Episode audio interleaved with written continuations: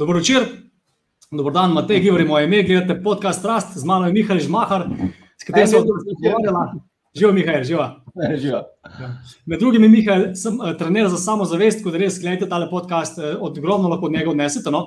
Mi pa jaz mogoče čisto na začetku povedal spet za tiste, ki nas mogoče gledate prvič oziroma nas ne poznate in tudi za tiste, ki to spremljate večkrat oziroma vsak teden, da ta podcast delamo z namenom, da se naučimo, bom rekel, nekaj od ljudi, ki so inspiracija za vse nas. To pomeni tisti ljudje, ki imajo, bom rekel, zadovoljstvo, ki so, bom rekel, uspešni, ki imajo, bom rekel, neko osebno izpopolnjenost ki je, bom rekel, neka osnova, da lahko živimo dobro življenje, ki je osnova za to, da smo, bom rekel, v super stanju, ki nam potem omogoča, da je naša energija, da so naše odločitve ta prave.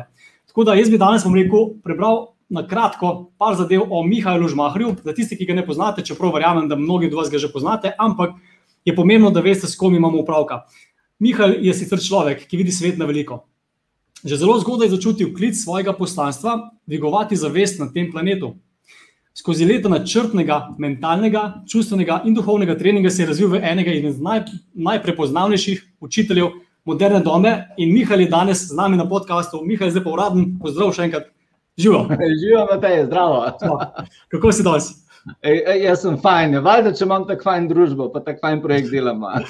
Ej, da, me veseli. Jaz sem tudi prej mislim, napisal nekje v, v, v komentarju, da vedno, ko se vidva, sem še dva dni dobre vole. Enako. ne, ne, veš, zakaj mi že tako? Zakaj misliš, da v bistvu ljudje damo energijo, sprejmemo energijo na ta način? A veš kaj? Jaz, jaz sem to dolg časa razmišljal, zakaj ne vem, nekega človeka spoznaš, pa naredi nek impact na te, ne? nekoga pa spoznaš, pa pozabiš njegovo ime v dveh urah. Gre se bolj za to, ali mi čutimo, kakšen servis mi znotraj sebe čutimo na tem planetu, in pa za vsako besedo, dejanjem ta servis rezoniramo na druge okoli sebe. Ne? Tako da najverjetneje, ko smo se spoznali, si ti začutil moj namen in uh, jaz sem pač strasten glede njega in to je to. super, super. Jaz mislim, da je res tako, no, ker ko nekoga začutiš, uh, pa energijo, pa ki ima dobro energijo, ne, lahko zelo vpliva na te. In istočasno lahko to zelo vpliva na te, če ima slabo energijo. Ne. Zato ja. se bomo danes malo pogovarjali o tem, kako imeti dobro energijo, kako imeti v bistvu neko tako karizmo oziroma energijo, ki privlači druge ljudi. Ne. Ja, ja, povem, da tisti, ki spremljate, napišite kakšen komentar, lahko naj v bistvu sodelujete v pogovoru, tako da vprašate, kaj Mihajla, vprašate, kaj mene, poveste svoje mnenje, jaz lahko pokažem to bom rekel na uh, tem le podkastu, istočasno pa um, napišite kakšno bom rekel idejo, napišite bom rekel, kaj ste bom rekel dobrega odnesel, bom rekel že tekom tega pogovora, pa istočasno delite to s prijatelji, pogledajte še enkrat kasneje, kje sem povem, vsak podcast, ki ga še enkrat pogledaš, začutiš drugače, slišiš drugače, najdeš nekaj drugega. Mihajl, jaz sem začel danes v bistvu pogovor z eno zadevo, ki je meni na začetku najbolj fascinirala pri tebi. Ti si namreč trener za samozavest. Tudi, uh, ja. zakaj je to pomembno, pa zakaj si trener za samozavest? Kako to sploh poteka, kako to učiš? E, zaradi tega, ker mi je trener za ne samozavest ni bilo všeč, kje sem zdaj. Um, v bistvu, kar sem jaz ugotovil v življenju, ne, da vsaka stvar, ki mi dosežemo v življenju, ali na privatnem področju, ali poslovnem, ali finančnem, ali kreativnem, kakršnem koli že zahteva od nas energijo, zahteva od nas uh, fokus, zahteva od nas uh, sposobnost kreacije, manifestacije. In ugotovil sem, da če človek hoče biti sposoben nekaj zgraditi, nekaj ustvariti, ali pa celo ustvariti nekaj večjega od njega samega, rabi dobro vedeti, kdo je. Ne, rabi poznati sebe, rabi vedeti svoje meje, rabi poznati svoje hotenja, želje. Rabi razumeti svoje energijske nivoje, in pa sem nekako razmišljal, kaj zdaj moram jaz narediti s sabo. In mi ne glas v glavi reče, ti moraš dejansko postati bolj samozavesten na vseh nivojih, ne, na čustvenem, mentalnem, fizičnem, duhovnem. In pa sem začel nekako um, v to smer raziskovati in sem gotovil, da nisem sam jaz imel v preteklosti tega izziva, ampak da imajo tudi drugi ljudje. Ne. In sem začel potem ljudem pomagati, kako lahko oni dvignejo osebno moč, kako lahko mm. dvignejo karizmo, hitreje naredijo tisto, kar si želijo. In potem je od tod prišla nekakšna fraza, trener za samozavest. Bravo. Zelo zanimivo, ker res, bom rekel, o tem se ne pogovarjamo veliko, tudi ne poznam veliko trenerjev, ne, ki to učijo. Je pa tako, da kot si rekel, moraš prvo to na sebi izkusiti. Ne. Zato vedno vsak trener, ne, ki nekaj uči, mora imeti za sabo rekel, neko izkušnjo, da, rekel, je tudi da je dobil neko željo, potem da se to nauči, da to nekaj naredi. Ne. Iz kje misliš, da to izhaja pri tebi, da, da, da si rabo imeti nek moment, da si rekel, ok, rabim več samozavesti. Iz kje to izhaja? jaz, ko sem bil mulj, ko sem bil star 15-16 let, ne, to je skoraj 20 let nazaj. uh, sem bil noro prepotenten, tako nor ego. Ne. Mislil sem, da sem najpametnejši človek na svetu, uh, mislil sem, da sem noh in sploh na vseh področjih. Ne. Skratka, in to nekako si ti najstnik funkcionira, ta ideologija. Dokler živiš ti doma, pa ti mama račune plačuje, pa kosilo kuha, pa fotor, tank, avto, ne, nekako to gre. Pa sem se pa pri 21 oziroma 22 odselil doma. In smo si za mojo zdajšnjo ženo, oziroma takrat še punco, kupila stanovanje. In kar naenkrat ugotoviš, da v življenju ne rabiš imeti samo dolgega jezika, po domač povedan, pa napuhlih idej, ampak rabiš nekako resnično energijo imeti. Ne? In jaz se nisem imel. Jaz, moj, moj temelj osebnosti je bil zgrajen na nekih fantazijah, na nekih ideologijah o meni. In mi je življenje zelo hitro pokazalo, da nisem najbolj pameten človek na svetu, zaradi tega, ker smo z, takrat z, z mojo ženo šla na razen za sedem mesecev, mhm. bankrotiral sem skoraj finančno. In na koncu sem živel tako življenje, da mi je od moje plače, ko sem jo takrat imel, ostalo nekaj 100-150 evrov za luksus. in sem gotovil, da um, očitno nekaj delam na robe. Ne? In ta šamar življenja, ta reality check je v bistvu meni pokazal, da moram začeti delati na sebi. Da, da, da očitno je nekaj, kar ne vem, da očitno na robe razmišljam, da ne znam handlati svojih občutkov, da nekaj ne vem o sebi in sem začel raziskovati z meditacijo, s knjigami, z pogovori s pametnimi ljudmi. In predvsem za samo analizo na tisočih področjih, kaj je tisto, kar sem delal na robe. In uh, evo, to je potem rezultat tega. Ne? Zanimivo. Um, ampak kako pa si pol v bistvu iz tega, ker ti lahko delo praktično karkoli? Samo zavest, ja. v vsakem poslu, v vsakem športu, v vsakih, bom rekel, odnosih in tako naprej. Ampak zakaj ne delaš malo ljudi? Ja, v preteklosti sem delal veliko stvari, uh, ampak potem sem pa. Vsaka stvar me je noro hitro začela dolgočasiti. Delal sem, naprimer, kot, kot najstnik, sem prodajal uh, na, um, na tržnici zelenjavo. Potem sem imel eno službo, ko sem prek študenta pasjo hrano razvažal. Potem sem delal v enem um, poslovnem podjetju, kjer smo se ukvarjali z veletrgovino. Tako da na koncu je ta zgodba šla zelo daleč in smo nekako pijače prodajali po celem svetu. Pa sem delal v nekih projektih z drugimi ljudmi, še pa sem delal mrežni marketing, pa en kup stvari. Ampak vedno mi je nekaj manjkalo. Vedno mi je nekaj manjkalo v vseh teh poklicih, ki sem jih delal um, sem ugotovil, da ni globjega namena, da ni globjega purposa, ne, da je ok, dobiš denar, zaslužiš denar, imaš neko eksistenco urejeno. Ampak ja. zdaj se mi je skozi, da moja duša kliče po globjem namenu, ne, ki mm. zaobjema ne samo mene, pa moje življenje, ampak še svet okoli mene. In potem sem začel nagonsko učiti. Na Gonsko sem začel učiti, ker sem opazil, da, da imam določene informacije, pa znanje, ki lahko drugim ljudem pomagajo, da dobijo tisto, kar si želijo, ali pa zboljšajo življenje, ali pa ne vem, da se zadnje, da se bolj glede sebe počutijo. In se je ta, ta calling zgodil kar nekako avtomatsko, ne, niti ga nisem načrtoval. Mhm. Jaz pravim temu, da me je kar duša usmerila na to pot. Ja, vse veliko je tako, da recimo, ko samo nekaj doživiš, ne, ko, ko vidiš, kakšno spremembo narediš, ne, ko zrasteš ko greš čez neke stvari, ne? ko rekel, vse probaš, pa nekaj bom rekel, se ti ne uspe. Ne? Celo američani mislim, da pravijo tako, ne? da večji, ki bom rekel, je ta sovražnik, ne? večji, ki je ta, bom rekel, to breme, ki ga moraš v bistvu predelati, bolj si na koncu zadovoljen, pa vesel. Ne? In istočasno recimo je tako, da ko imaš, bom rekel, tukaj energije dobre, ki si nekaj našel zase, ne? moš to mm. deliti in zaradi tega verjetno ljudje radi pomagamo. Ne? Pa ja, ljudje, ljudje sem gotovil, da človek ki se zaveda svojega namena. To se pravi, ne samo tisto osebne sreče, ego sreče, ne, da dobi on na lokalni ravni tisto, kar rabi, ampak da se zaveda, da živi na zemlji, kjer je del neke družbe, kjer ima vsak svoj talent in kjer je naloga vsakega človeka, da ta talent uresniči in z njim doprinese družbi, zaradi katere si bolj živimo. Se mi zdi, da je avtomatsko voden v pomoč drugim. Ne? Jaz mislim, mm. da v svoji osnovi, kot človek, konektan sam s sabo, da smo ljudje dobri v, v, znotraj sebe in da znamo pomagati in da si želimo. Ne? Je pa res, da mora biti človek pripravljen osebnostno biti zgrajen, da lahko pomaga naprej. Ker če imaš ja. ti zdaj hude probleme doma, ali pa si ti uh, totalno nezadovoljen s svojim življenjem, ali pa si lačen, ne? kako bo mhm. lačen na hrano nekoga drugega, kako bo nekdo, ki je brez denarja, pomagal nekomu, da dobi denar. Ne? Zato potem veliko ljudi zgleda na prvi pogled, da se sabo ukvarjajo, ki v bistvu rešujejo in gradijo svoje življenje. Ne? Tako da, pa, pa ko enkrat zgradiš neko osnovo, nek temelj, potem je pa logična naravna, selek, mislim, logičen naravni red ta, da valjda, če si sebe nahraniš, začneš hraniti druge. Ne? Bravo, bravo. Jaz to veliko govorim o tem, ne, da ti moraš tako vse pomagati potem drugim. Stiš se mogoče malo egoistično. Ne?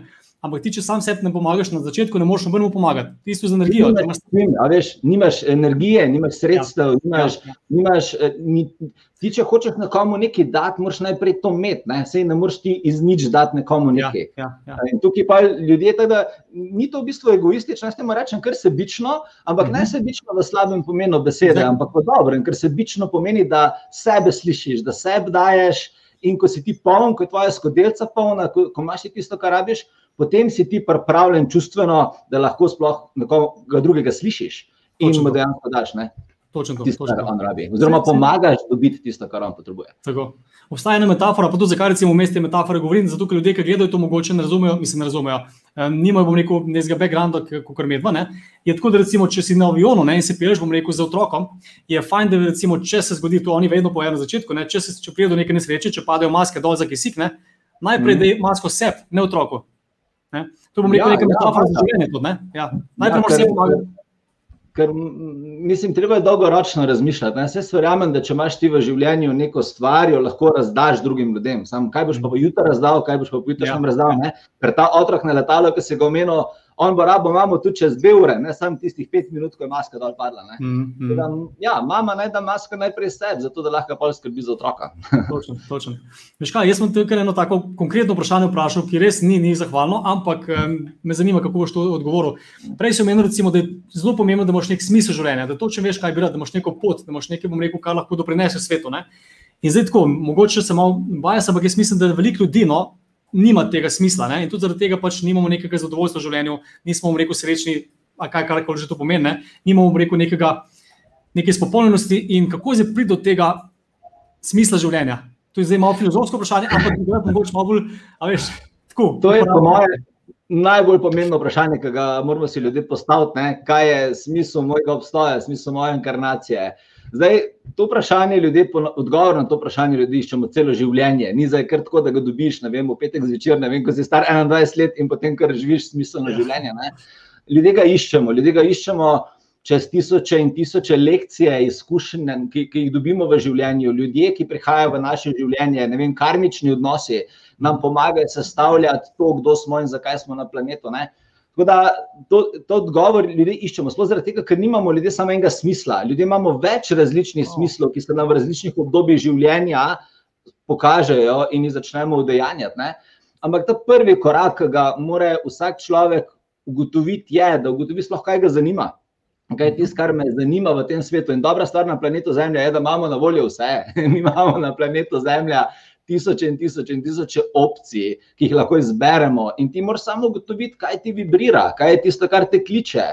Ko to v prvi točki ugotoviš, je druga stvar, da ugotoviš, v čem si naravno dober, kaj je tisto, kar te naravno. Uh, Kje naravno lahko upravljaš energijo, kaj je tvoj talent, kaj je tvoj dar. Zaradi tega, ker se vedno rodimo za neko popotnico, v inkarnacijo, vedno pridemo z neko popotnico, da lahko mi lažje svoj namen realiziramo. Teda, ko ti dve vprašanji najdeš, jih začni razvijati in uporabljati v življenju, in iskati odgovore, in potem se ti smisel kar nekako pride. Je pa fora smisla, da ne pride vedno očitno, ne pride vedno življenjski namen v tvoje življenje in reče: To je moj življenjski namen, in ti ga takoj prepoznaš, in ti takoj vidiš, to je moj življenjski namen. Ponovadi smo vodeni do njega čez ovinke. In se učimo, odvijamo celofan, in sprot po koščkih ugotavljamo, kaj je in kaj ni. Mm -hmm. To je življenjski proces, ampak vsak ga ima, to je, to je največja stvar. Včasih srečam ljudi na svojih tečajih ali pa seminarjih, ko rečejo: Jaz pa očitno nimam namena, zaradi tega, ker ne vem, kaj, kaj me zanima. Ma, vsak človek ima namen, ampak naša naloga je, da ga pač najdemo. Ne? Zdaj pa največja stvar je, da naš namen je naš in ga zelo težko najdemo pri drugih ljudeh. Teda en problem, ki ga imajo ljudje na tem planetu, je, da sebe iščejo v drugih. Mhm. Mi ne moramo sebe iskati v drugih, zaradi tega, ker drugi živijo svoj scenarij, svoje življenje, imajo svojo matrico narejeno, mi moramo sebe iskati v sebi. Ne, druge lahko uporabljamo za inspiracijo, tako kot ne vem, zdaj mi delamo inspirativni video ne, in se bo mogoče kdo lahko povezal s tabo ali pa z mano, pa ga bomo trignala. Ampak um, na koncu moramo ljudje iskati svoj namen v sebi. Ne, v svoji meditaciji, v svoji podzavesti, v svojem višjem jazu, v svojem spominu, celičnem. Ja, dejansko, kar zdaj govoriš, je to, da se moraš znati poslušati. Eh, moraš, ker, ker to je osnova, da lahko najdeš potem, kaj te veseli, kaj te ne. Ker veliko imamo nekaj, kaj nas veseli, bomo rekel, so pričakovanja okolice, oziroma staršev, oziroma partnerjev in tako naprej. Ne? In zaradi tega ja. je treba se poslušati. Kako priti do tega, da se lahko sam sebe poslušaš? Ker, zakaj to sprašujem? Ne? Jaz, recimo, nisem znal poslušati v preteklosti. In, sem, in vem, da tu je težava, zato ker misliš, da veš, kaj bi rad, ampak dejansko ti tega ne bi rad. In da prideš do tega, da si ti tukaj. Um, Da te znaš, bom rekel, pomisliti, kaj bi ti dejansko rad, ne glede na to, kaj bodo drugi rekli, pa kakšno imaš ti pripričane vse, kaj bi mogel biti, kdo bi mogel biti, in tako naprej. Ne? Kako naj bom mhm. rekel ta, a veš, kaj jaz ja. hočem, oziroma kdo sem jaz, eh, da se poslušam, ja. da rečem, da naredim tisto, kar bi rad. Jaz pravim, da rabiš jajca, zato Prav. da se upaš samega sebe poslušati. Zaradi tega, ker v tem svetu, v katerem živimo, ta svet je narejen tako, da non-stop te nekdo programira, non-stop nekdo mhm. vpliva na te, svojim mnenjem. Ne? Ne ja. vem, eh, si dojenček, pa te skozi starši vzgajajo za svojim razmišljanjem. Oni mislijo, kaj je prav za te, oni te učijo, kaj oni mislijo, da je prav v življenju pa priješ v šolo, pa te v šoli programirajo z nekimi informacijami, pa priješ v službo, pa ti šef govori, kdo moraš biti. Pa gledaš televizijo, pa ti na televiziji govorijo, kaj moraš jesti, kdaj se moraš postarati. Skozi ti nekdo tvojo resnico kreira. In, in, in ja, rabiš pogum v tem svetu, kjer tisoče ljudi v tvojem življenju te programira, da rečeš, čak, čak, čak, back off, A veš, da te ljudi potisneš stran in rečeš, da bom pa jaz živel svojo resnico, zdaj bom pa jaz to, kar sem se jaz odločil, da bom. Zdaj bom pa jaz delal življenje to, kar mene kliče, ne to, kar ti od mene pričakuješ, ampak to, kar si jaz želim delati. Zdaj bom pa jaz jedel to, kar meni paše, ne to, kar je na jedilniku. Zdaj bom pa jaz zapravil denar za to, kar jaz hočem, ne to, kar se pričakuje od mene. In ko človek to naredi, se mu začne neka specifična kreativna zavest ustvarjati.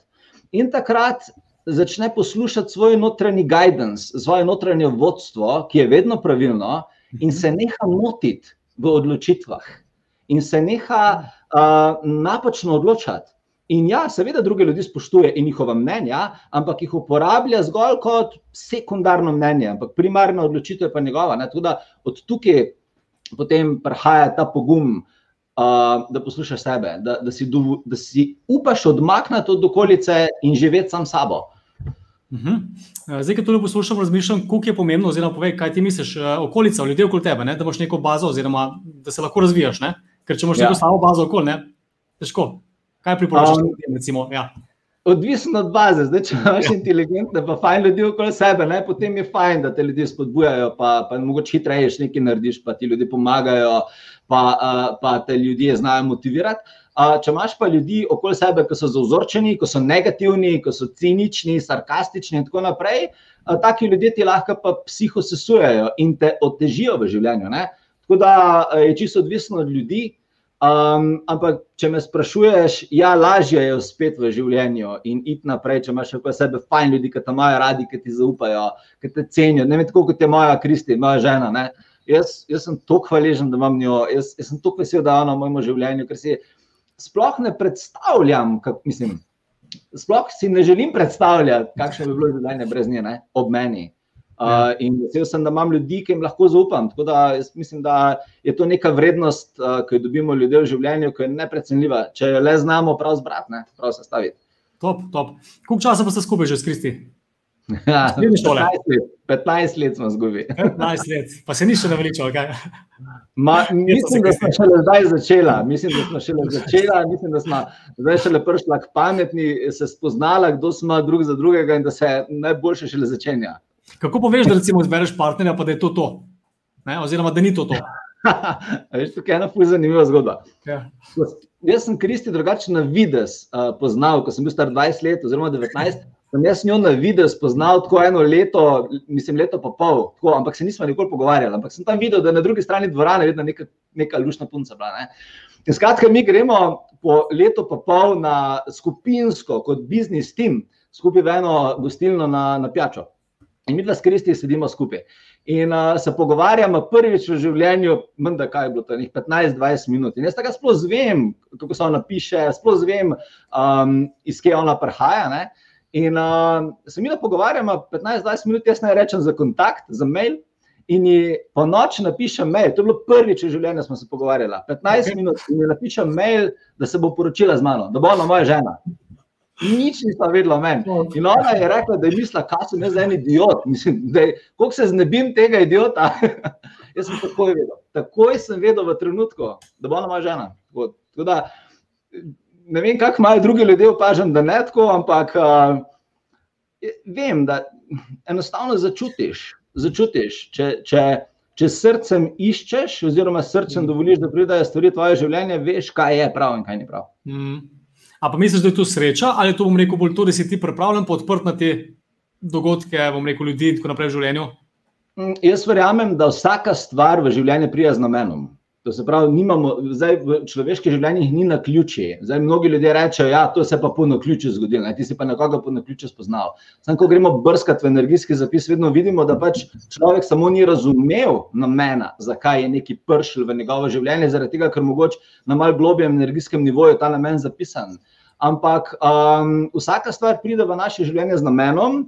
Zdaj pa, če mi za svojo zavestjo, inteligenco, ki jo imamo v tem budnem stanju, mhm. -huh. prepoznamo ta namen, prepoznamo vrednost tega, kar pride, ali pa lekcijo, ki jo prinaša, je pa zdaj odvisno od vsakega posameznika. Mhm. Da, uh, ugotovil sem, da bolj kot je človek poravnan znotraj sebe, bolj kot je človek iskren glede tega, kaj je. In bolj kot človek zna od življenja pričakovati tisto, kar si želi, hitreje prepozna kaj ja in kaj ne. To se pravi, hitreje ima srečo, no? bi zdaj tako rekel. Ok, ok, ne, dobro, dobro, res. Ampak, veš, kaj me zanima, recimo, kaj pa po tvojem mnenju, seveda, glede na to, da sta prva na svetu v zvezi, še vedno je super, nisi, mislim. Kaj, mi, kaj pa to mnenje, kaj moraš početi, da si recimo srečen v zvezi na dolgi rok? Ne za en teden, dva tedna, več in tako naprej, dva meseca. Um, Jaz, na primer, sem s Kristi zdaj v zvezi veliko bolj izpopolnjen kot kadarkoli prej. Ne? In mi dva se imamo res rada in smo res uživamo. Mi dva delamo skupaj, mi dva živimo skupaj, mi dva imamo biznis skupaj, mi dva potujemo skupaj. Mi smo dejansko 24 časa na dan skupaj in to že 10 let. In časih kdo reče, me bi se zmešal, če bi mogla biti s svojim partnerjem 24 ur na dan. In sem jaz se dolg časa sprašoval, kje je ta recept. Zakaj, ne vem, mhm. Jaz zapogrešam njo, če ne vem, pol dneva ne vidim. Ne? Ali pa zakaj je ona vedno moj prvi izbor v glavi, da grem z njo na potovanje, če že moram koga vzeti, ali da Kristi, ona je moj najboljši prijatelj, veš, ona, ona ima res pomembno mesto. Pa nisem obseden z njo, da naš narobe mislil. Um, in sem gotovil, da, da partnerstva, kjer oba rasteta, partnerstva, kjer se oba razvijata, partnerstva, kjer oba spreminjata samega sebe in sporedno rasteta, so takšna partnerstva, kjer se ta vez, to zavezništvo non-stop non krepi. Ljudje pa ponovadi naletijo na mino ali pa na oviro ali pa grejo na razen zaradi tega, ker nista oba partnerja rasla drug ob drugem. In zdaj, če ne gre oba partnerja v življenju naprej, to se pravi, en gre, drug pa počaka, je logično, da je taka veza na razen. Mm. Ali pa če en skozi dela na sebi, se razvija, se uči novih stvari, informacije, raziskuje novi projekti, nove vizije, nov level up, nekdo pa skozi hoče biti isti. Ne vem, mogoče ne bere rad ali pa ga ne zanima premik v življenju. Ne? Kako bo ta taka dva človeka skupaj funkcionirala? Mm. Veš, to je tisto glavno lepilo ljudi. Če dva skupaj rasteta, potem lahko celo življenje skupaj rasteta. Če pa ne, potem pod najverjetneje neki točki šla na razen. Mm -hmm. Ali pa to pač problem no, postal. Mm -hmm. Ja, jaz mislim, da je to res, ki se reče, rast, ne, da, da, da, da skupaj rasteš, bom rekel, je največja stvar. Ker, če nočem prevedem, bom rekel to v navaden jezik, to pomeni, recimo, da itak to počnejo pari že v osnovi, kar pomeni. Ne si recimo skupaj, potem ta prva stvar je, da zamenjaš status na Facebooku. Je ena na rast skupaj, ne? kot par. Potem recimo, da imate skupno stanovanje, otroka, um, psa. In tako naprej, zdaj se sprašujem. Ampak to so neke take stvari, ki nam pomagajo, da ostanemo skupaj, da se počutimo, da rastemo. Ker, ker če ne rasteš, potem propadaš. Ne? Zdaj, to, kar pa ti govoriš, je pa v bistvu bolj za povezovanje, ne? da se res počutiš v zvezi dobro. Ne, ne samo to, da si lahko na dolgi rok skupaj, ker si lahko 50 let skupaj, pa nisi srečen. Zdaj vprašanje je, kako biti srečen z drugim. Ja, mislim, ponovadi tako vidim ljudi, ko so 20-30 let skupaj v vezi, samo zaradi bajta, ker so pa zgradili. Pa pač imajo otroke nočejo špitira delati v familiji ja, in so pa ja. skupaj. Ne, in rečejo, pač tako pač je. Ne, je ni, ne. Ti, ti moraš narediti v svojem življenju, da boš izpopolnjen, da boš čutil smisel. Um, in ja, ta konstantna želja po novem v sebi je tisto, kar daje temu življenju dejansko namen. Uh -huh, in tudi partnerstvo na zadnje. In tudi to sem, na primer, zelo iskreno, vse preseb opazil. Jaz vam veliko ljudi poznam, ne? res veliko ljudi poznam. Ampak eni ljudje me popolnoma fascinirajo, fascinirate. Eni ljudje so mi podolgočasni. Pri enih ljudeh po petih minutah me ne zanima več nič o njemu, zaradi tega, ker nič novega ne zvem, ker ni dobene rasti. Zakaj bi se sploh sploh družil s tabo pogovarjal? O vremenu, o feltnah, o čem? Ne vem, se ne pogovarjam s tabo. Nek človek ima pa skozi neko novo idejo, veš, novo resnico išče In potem tudi taka prijateljstva ostanejo, ne? ker to je isto za prijateljstva, velja isto za poslovne partnere, velja v bistvu za vse socialne odnose. Mhm. Mm, Razmišljam, da, recimo, da ljudje, ki, so, ki, niso, ki, ki ne delajo na sebi, uh, kakšno je življenje, oziroma zakaj misliš, da je pa smiselno recimo, delati na sebi, tudi če ti ni recimo, to hudo v življenju. Kaj bo rekel glavna stvar, zakaj bo rekel osebna rast tu pomembna, zakaj sploh delati na tem, kaj sploh početi, zakaj bi. Um, oprosti, oprosti, veš, zakaj sprašujem? Ne? Ker veliko je tako, da ljudje, recimo, takrat, ki so, re, ki, ki so res v K, ne, oziroma ki si na najglobi točki življenja, ne, potem itak moš nekaj narediti ne, in takrat si primoran in takrat tudi nekaj narediš in ponavadi ljudje iz tistega črpamo največ energije tudi za naprej v življenju. Ja. Ampak če tega nimaš, ne, veliko ljudi je pač tako, vse je ok, ampak to je ful nevarno, to je ful, ful, ker življenje je to kratko, da ne, kako v mhm. bistvu, zakaj? Zdaj, jaz pred svojim skromnim 36, ki bom zdaj imel res dan sem pač ugotovil eno stvar glede. Ne? In ta je, sicer sem zato mogel res par sto meditacij narediti in iti uh, k svojemu višjemu jazu, ampak moj višji jaz, oziroma moja duša, mi je rekla: Glej, Mihajl, moja inkarnacija na zemlji. Ti si se rodil zato, da rasteš. Glavni namen človeka je na planetu Zemlja, je, da ugotovi svoj namen, potem pa išče najvišji možni način realizacije tega namena. To je, to je namen vsakega človeka. Vsak človek ima življenjsko poslanstvo in potem je njegova naloga, da z egom, z orodji, ki jih ima na voljo, na najvišji možni nivo realizira to poslanstvo oziroma ta poslanstva. In ob tem izkusi vse možne poti, občutke in osebnostno, duhovno, čustveno zraste. Ne? Tako da ta rast, ta osebna rast, duhovna rast, kar si vprašal, to je v našem DNK-ju. Mi mhm. smo se rodili za to, da rastemo. Se tudi dojenček, že na začetku, v desetih letih, zraste za en meter ali pa meter pa pol. Ne? V dvajsetih letih zraste za meter, osemdeset za dva metra. Zaradi tega, ker nam življenje skozi kaže, da je rast glavni point obstoja. Mi se nismo rodili zato, da smo skozi isti. Se dobena stvar v naravi, na vse zadnje, ni skozi ista. Pogledaš nek hrast, ko ta hrast pogleda čez pet let, bo čist drugačen, večji, širši, več vej, več želodov.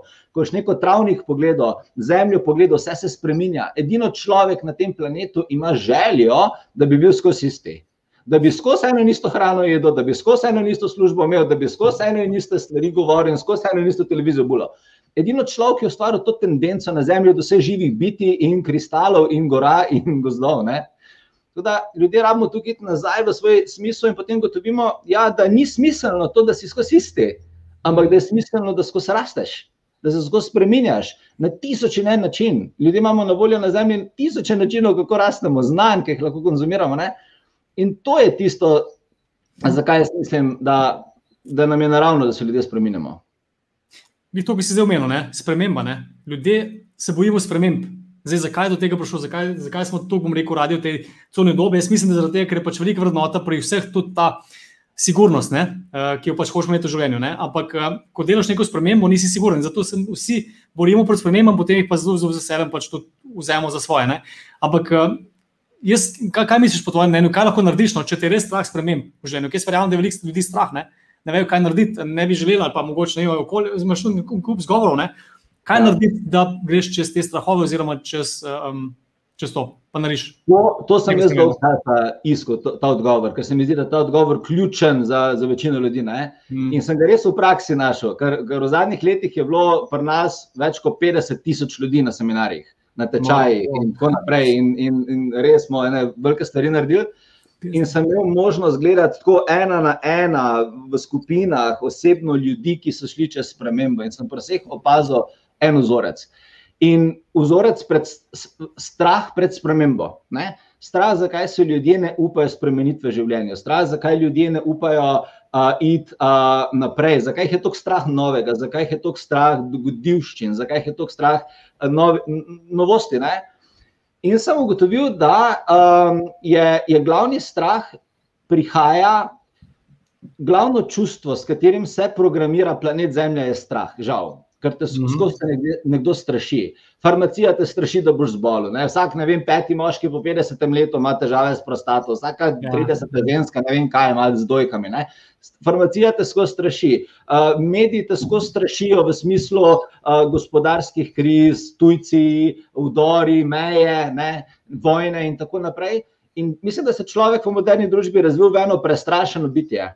Prestrašeno bitje, ki se dobro počuti samo znotraj svoje dnevne sobe, svoje znotraj preizkušene službe, ki že deset let ima, in v znotraj odnosov, ki jih je preveril.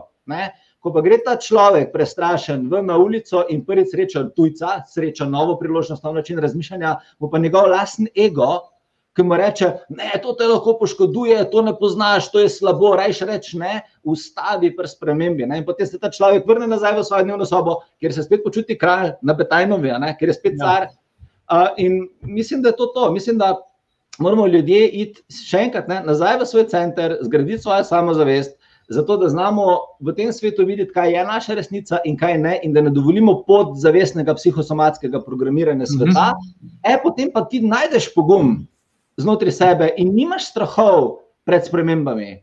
Potem pa lahko ti neki nove izkušnje rečeš, ja, ker ti nihče ni rekel, da, ne, da, da, da te mora biti ja. strah. Ker ti nihče ni programiral, da boš pušno, ker ti nihče ni programiral na uspeh, kar se v tem svetu dogaja. Ne? Tako da, zato, naprimer, mi imamo en pol velik duhovni telepotovanje duše v Ljubljani. In s Kristi, ki ga vodimo, smo zgradili eno ful močno oazo, kjer je res popolnoma varno okolje, kjer imamo tečaje, delavnice in seminarje. In ko pridejo ljudje iz svojih življenj, privatnih življenj, službenih življenj v naše telje, se takole odprejo spremembi. Se takole odprejo novemu razmišljanju, zaradi tega, ker jih nihče več ne programira na staro situacijo. Nihče jim ne govori, da so nesposobni, nihče jih ne programira za starimi strahovi. Ne? Da, ja. Mi moramo v bistvu samo spremeniti kolektivno programiranje iz tega, da nam skozi govorijo, da nekaj ne moramo, da nekaj ne smemo, da nekaj je prepovedano, do tega, da nam nekdo reče: Ja, lahko, pač pejt, če si nekaj želiš, vzami si to. Mm. Da, da to je v bistvu taka kolektivna stvar. Super. Jaz bi tole, mislim, meni se odlično, kar si povedal, bi se nekaj še dodal, ker pač jaz razmišljam o čisti isti zadevi na drugačen način. Mislim, drugačen. V smislu, da te strahove imamo predvsem zato, ker, smo, ker, ker pač imamo možgane stare 10.000 let ne? in naši možgani več čas iščejo, kaj ni ok ne? in kaj treba v bistvu se paziti, mož, za preživetje se borijo in tako naprej. Ne? In ker je pač to tako narejeno, to seveda mediji potem izkoriščajo, to izkoriščajo pač, izkoriščamo en z drugim in tako naprej, strah, strahom. Ne? In zato mislim, da mi se vsaj pri meni zelo pomaga, ne? da sem začel delati na tem, da sem hodil iz cone obdobja. Ne? To pomeni, da sem načrtno se, se odločil, da nekaj me je strah, to bom delal. Ne? To bom naredil, skočil v vodo, ne? ker se mi zdi, da potem lahko dobiš, oziroma razviješ to mišico, ne? poguma, to je mogoče druga pot, je pa čisto isti, bom rekel, zaključek, ne, da, da ja. dejansko preko tega, ne, da se dejansko večeš v vodo, nauka se s tem rečem. Sicer, to, Dobiš ja. mišico, tako kot biceps. Ko hodiš vem, v fitness, če greš enkrat v fitness, te bo bolela čez dva dni. Ne? Če greš parkrat, ne bo nič spremembe, če si pa hodil dva meseca, ne? potem imaš pa mišico. Isto je tukaj. In zakaj o tem govorim? Zato sem šel čez te zadeve. Ne? Ker ko greš noter, se spremeniš in se ne prepoznaš. In zato jaz tukaj recimo tudi govorim ljudem, ki to gledajo, konkretno, kaj lahko naredijo iz tega obdobja. Pa morda začneš z majhnimi koraki na začetku, ne? zaradi tega, da pač, ker je lahko narediti, čeprav je nekaj smotnega, ampak še vedno narediš, potem pa povečuješ, ker nekaj skočiš za nekaj vodo, za nekaj veliko odločitev, je težko, če nimaš neke mišice. Ne? Mm, mm. Ampak, je pa tako, no, kot si rekel, osnova je pa tudi, recimo, da najdeš rekel, neko orodje ali pa bomo rekel neko skupino, recimo, kot imate pri vas, ne? potovanje duše, ne? atelje, se pravi, neko recimo varno okolje, ki ti pa lahko pomaga s tem, da si lahko ti vem, prikrajšaš vem, na mesto pet let ali pa dve leti, si prikrajšaš en mesec, mogoče celo en dan. Ma, to, je, to je noro. Veš, kakšne spremembe sem jaz videl pri ljudeh. Ljudje, ki so vem, pustili službo, ki niso marali, pa so odprli svojo firmo, pa končno zaživeli hotel. Pa ljudje, ki so bili, vem, imeli raka, pa so zboleli, pa so ja. sprožili ja. tako notranje samozdravljenje, da so, da, da so popolnoma regenerirali svoje telo. Take zgodbe sem srečal v zadnjih desetih letih, da, da lahko knjigo o tem napišem. Ne? Tudi točno to, Matej, točno to, kar si rekel. In mi se samo moramo zavedati, da znotraj nas imamo dva notranja jaza, ki nas potiskata naprej, oziroma ki nam velevata kaj narediti. En je ego jaz, ta zemeljski jaz, ki je navezan na to, kar sem jaz danes, in drugi je jaz moje duše, ki vidi moj potencial. In zdaj se moram jaz za svoje zavesti odločiti, kaj bom poslušal. Ne? Ali bom šel v fitness ali ne ali bom naredil spremembo, ki me je strah, ali ne. ne? Ker ego, vedno, ego vedno bremza ljudi nazaj. Ego ja. vedno želi, da ostanemo isti, medtem ko naša duša vedno želi, da gremo v boljšo verzijo sebe. Ne? Da se mora vsak posameznik na svoji osebni ravni vprašati, če mu bo dal veljavo, za kjer ga volka bo hranil. Ne? Indijanci rečejo, bel volk, črn volk. Ne? Oba boš hranil, kjer ga boš hranil. Ja. To se moraš ti odločiti. In, naprimer, jaz sem tako stvar, eh, te svojega karakterja delal z sladkorjem. Jaz sem full sladkosnet, zelo obožujem tortice, pa, pa piškote, pa te zadeve. In sem rekel, ok, žmahar, zdaj imaš tako labilno psiho, da bo cukor vodil tvoj life, Ne? A nisi nek coach, a nisi ti nek predavatelj, jaki. Ne? Zdaj, a tu le ti nek keks zmeden, ti takoj prioritete sesuje. In sem začel delati te teste v svojem karakterju. Ali sem lahko eno leto brez sladkorja? In sem delal te teste skozi življenje. In sem eno leto ali pa leto pa pol brez cukra, nula, tako, nič. Ali pa eno leto delam neko navado, sem zaradi tega, da vidim, ali lahko grem čez sebe. Ali lahko jaz samega sebe vodim, ali lahko jaz sam sebe postavim v pozicijo, da se realiziram na način, na katerega želim. Tako da mislim, da se tukaj začne to vodstvo, uh, iz katerega potem uberemo pot. To, o čemer govoriš, je trening. Ne? Zdaj, ja. športniki bi to zelo dobro razumeli, ki bi rekli, da če hočem pač skočiti dlje, ne? če hočem žogo brcati bolj natančno, če hočem ne vem kaj narediti, ne? razumejo. Ja. Medtem, ko se pogovarjamo po osebni rasti, pa o življenju, pa osebnem zadovoljstvu, ne? pa je to kratko neka tabu tema. Ampak dejansko je to trening, ne? tukaj si zdaj govoril, ti si treniral sam sebe, svojo voljo, svojo, bom rekel, vizijo. In dejansko, ko tu delaš, ne rataš samo zavesten vsak dan bolj, ne? ker se vidiš, ker se spremeniš in ker probavaš, ker ti nisi strah. Veš, ja. sam sebi dokažeš, ja. da si ja. sam zmožen sprožiti korak ki te je pripeljal v drugo situacijo. In zdaj, veš, to da te pulhud občutek neodvisnosti. Ker če človek zna samega sebe motivirati, samega sebe kočati, samega sebe pelati iz ene točke na drugo točko, potem ta človek ve, da lahko naredi karkoli. Če se bo odločil, lahko gre na Monte Everest, lahko gre na Kilimanjaro, lahko gre v Katmandu, lahko gre kamorkoli. Uh, lahko postane milijonar, lahko postane karkoli. Se bo on odločil, da postane. Jaz bi tole, bom rekel, tezo, ki se je zdaj postavil, ne testiral, ampak prikazal gledalcem. Ne. Zdaj, tukaj recimo, jaz zdaj, se pojavlja, recimo, kaj je realno ne, um, iz tega vprašanja. Ker, ko imaš enkrat, bom rekel, res neko bazo, ko delaš na sebi in tako naprej, ko ne vidiš več tu preprek, ne, imaš to, kaj je realno, bom rekel, letico dvignjeno, precej, precej više. Ne. Zdaj, ne, če to lahko direktno vprašam, ampak um, a je res, da se pogovarjaš z opro, da je v priperu Slovenije, recimo? Ja, uh, pri nas je zadeva šla tako. Mi smo najprej začeli delati uh, seminarje, eh, s Kristi smo začeli delati seminarje v, uh, v dvorani Smrt, in to so bili manjši seminarji, mislim, tako, do 500 ljudi. Pa smo pa začeli delati velike seminarje na gospodarskem razstavišču. In smo imeli en tak velik seminar, kjer je bilo tisoč ljudi uh, z Nilom Donaldom Walshom. Uh, in Neil Donald Walsh je kolega v Dobrah, ne? zaradi tega, ker je Neil Donald Walsh v Ameriki New York Times bestseller. In pa smo pripeljali Jay Shetija, kjer je bilo na, v dvorani Kocka, uh, skoraj 2000 ljudi. In potem smo povabili Matthew Hudson, smo kontaktirali uh, druge predavatelje in ene izmed teh predavateljev, s katerimi smo pisali, pač tudi oprah in, in, in še drugi predavatelji. No. Da, ja, od tega, da smo začeli delati meditacije v Ljubljani, kjer je bilo deset let nazaj uh, deset ljudi, smo prišli do tega, da organiziramo seminarje z več tisoč ljudmi, seveda zdaj v času korona, ne, ne, ampak takoj, ko v tega mim pride prvi seminar z Metijo Hasijem uh, na gospodarcu, do tega, da največje svetovne podjetnike, spikere, predavatelje, poslovneže vozimo skristi v Slovenijo in, um, in jih pokažemo ljudem, da je mogoče. Bravo, kapo dol, res je veliko zorno, inspiracija. In tudi, tu, recimo, bi želel tukaj pokazati ljudem, ne, da ste vedeli, kako imate dve roke, dve noge, eno glavo. Ne imata pa energijo, imata pa voljo, imata pa v bistvu osebno rast, ki je osnova za to, da lahko dosežeš potem večje zadeve, oziroma precej više, kot bi si verjetno predstavljal v srednji šoli. Čeprav ti bi si mogoče lahko, ne, ki si bil koki. Ne, jaz sem si, ja. jaz sem si, ja. jaz sem si vse predstavljal, ker ne sem prej rekel, da sem bil najpametnejši. Kar si takrat nisem predstavljal, sem mislil, da bo bolj enostavno to narediti. Sem mislil, aha, da je ta pot v življenju bolj enostavna, in pa um, sem gotovil, da ni bila tako enostavna, ampak ni bila tako enostavna zaradi tega, ker sem jaz kompliciral, ker sem jaz mogel svoj ego prej sesut in, in ker sem jaz za svojim egom blokiral stvari. Ne. Tako da stvari načeloma v življenju so enostavne, uspehi so enostavni, logični.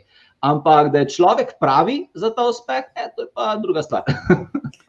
velika stvar, recimo, pri tem je že odnos, ki ga imaš. Um, ker se pravi, če, če verjameš, da nekaj lahko narediš, lahko narediš, če ne verjameš, potem ne moreš. Ne? Okay, ampak tu je ja. zelo enostavno, ampak odnos, ki ga imaš do življenja na splošno. Kakšno energijo imaš, s kom se družiš, kakšno čustvo imaš na dnevni bazi, a delaš na sebi, ali si raj pogledaš neko, neko oddajo ali televizijo in tako naprej. Ne? Tako da mislim, ta odnos, recimo, tukaj se pri vama zelo kaže, pri tebi, oziroma pri vama, s Kristi, zagotovo. Čeprav Kristi nisem še užival spoznal in res si želim in upam, da se kmalo spoznamo. No? V vsakem primeru bi pa zdaj res mečkano obrnil tole, tole page. Me to vprašal v bistvu po tvoji eni prelomnici v življenju, oziroma najtežjem trenutku, oziroma zakaj, zakaj to sprašujem, ne? ker me zanima v bistvu, skje to vse črpaš. Ne? Zdaj, kaj bom rekel, te definirali v življenju najbolj, en, en dogodek ali ena zadeva. Vem, če imaš kaj ta v glavi, lahko tudi več poveš, ampak kaj misliš, da je razlog, da si dejansko na tem nivoju, da si bil tako koki, oziroma po slovensko, da si bil tako samozavesten že v srednji šoli?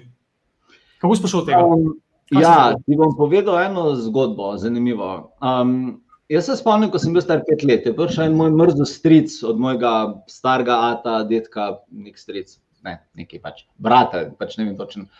In me vpraša, kaj bi pa rad bil ti, ko boš velik. In jaz takrat odstrelim, direktor. Dobenega nisem poznal, nisem sanjal, se mi ni, kaj to je. Sam nekje na televiziji sem videl nekega tipa, ki, je, ki, je bil, ki sem vedel, da je bil direktor in je bil pač tako do, dobro energijo imel. In jaz, od takrat sem je neko seme zasijal, ne, to mi je bilo nek sinonim za uspeh v življenju. Potem pa sem jaz imel srečo, da moja dva starša sta zelo kul cool starša.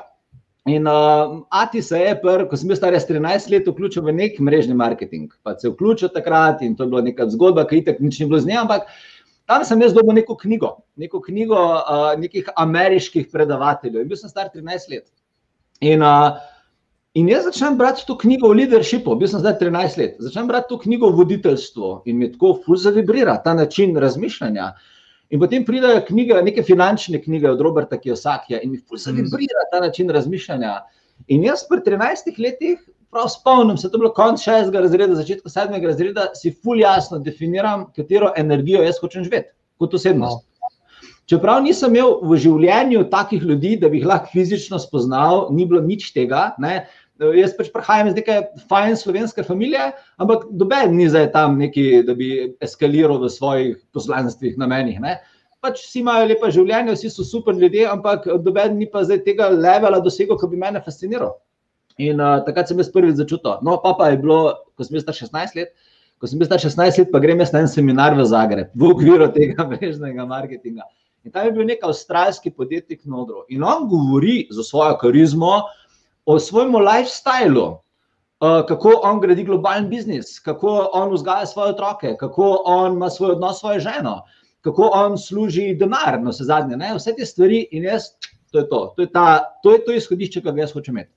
In potem sem začel sam iskati informacije, ki sem čutil, da mi manjkajo v življenju, in jih dodajati, in se učiti, in hoditi okoli, in iskati razmišljanja, ki so me začela voditi v to smer. Tako da, potem, ko sem bil star 25-26 let, sem točno vedel, kaj jaz hočem delati. Meni je bilo kristalno jasno, kaj je moj namen, zakaj, delno, zakaj sem jaz na planetu Zemlja. In še danes, naprimer, mi je jasno, jaz ne rabim drugih ljudi, da mi govorijo, kaj naj jaz delam v življenju ali pa kaj bi jaz mogel delati. Zaradi tega, ker, mi, ker sam čutim to notranje vodstvo. Ne? Tako da to je bila ta prelomnica, no, ki se mi zdi, da se mi je celo življenje v takih parih točkah zgodila. Um, potem pa jaz, seveda, sem kasneje, ko sem nekako sebe postavil, sem pa ugotovil drugo prelomnico, je, da je treba svet spremeniti, da ta svet gre v maloro, da ta svet narava je nasnažena, živali se pobija. Um, korupcija je posod in sem rekel, tako fuck it. A veš, nekdo mora ta svet spremeniti, nekdo mora začeti uvajati svetlobni leadership, nekdo mora začeti učiti druga, na drugačen način, in pa se mi tukaj nov namen vklopil in zdaj se tako skozi dopolnjuje. Super. Um, ko, ko sem te poslušal, zdaj se pravi, razmišljam o tem, da je to dejansko. Ti kot oseba sicer moraš sam sebe poslušati, ne? ampak nobenega drugega, ampak sebe, kaj bi ti rad in tako naprej. Ampak rabiš pa v bistvu neke ideje, ne? da vidiš, kaj je ja. sploh možno, ker včasih ljudje tudi recimo, zaradi tega delamo te podcaste, zato beremo knjige, ne? zato recimo mm. gledamo, hodimo na seminarje, ker ti recimo včasih lahko z neko idejo ne? dobiš vse, ti si dobil z eno idejo dejansko svoje celo življenje naprej. Ne? Kaj boš počel, kdo boš, kaj bom rekel, tvoja ideja tvojega življenja. Ne? In to se mi zdi res ključno, da dejansko smo odprti, da hodimo na take zadeve, da se pogovarjamo, da smo s takimi ljudmi, recimo, v zvezi, um, mislim, na, na, na, na vezi. Ne?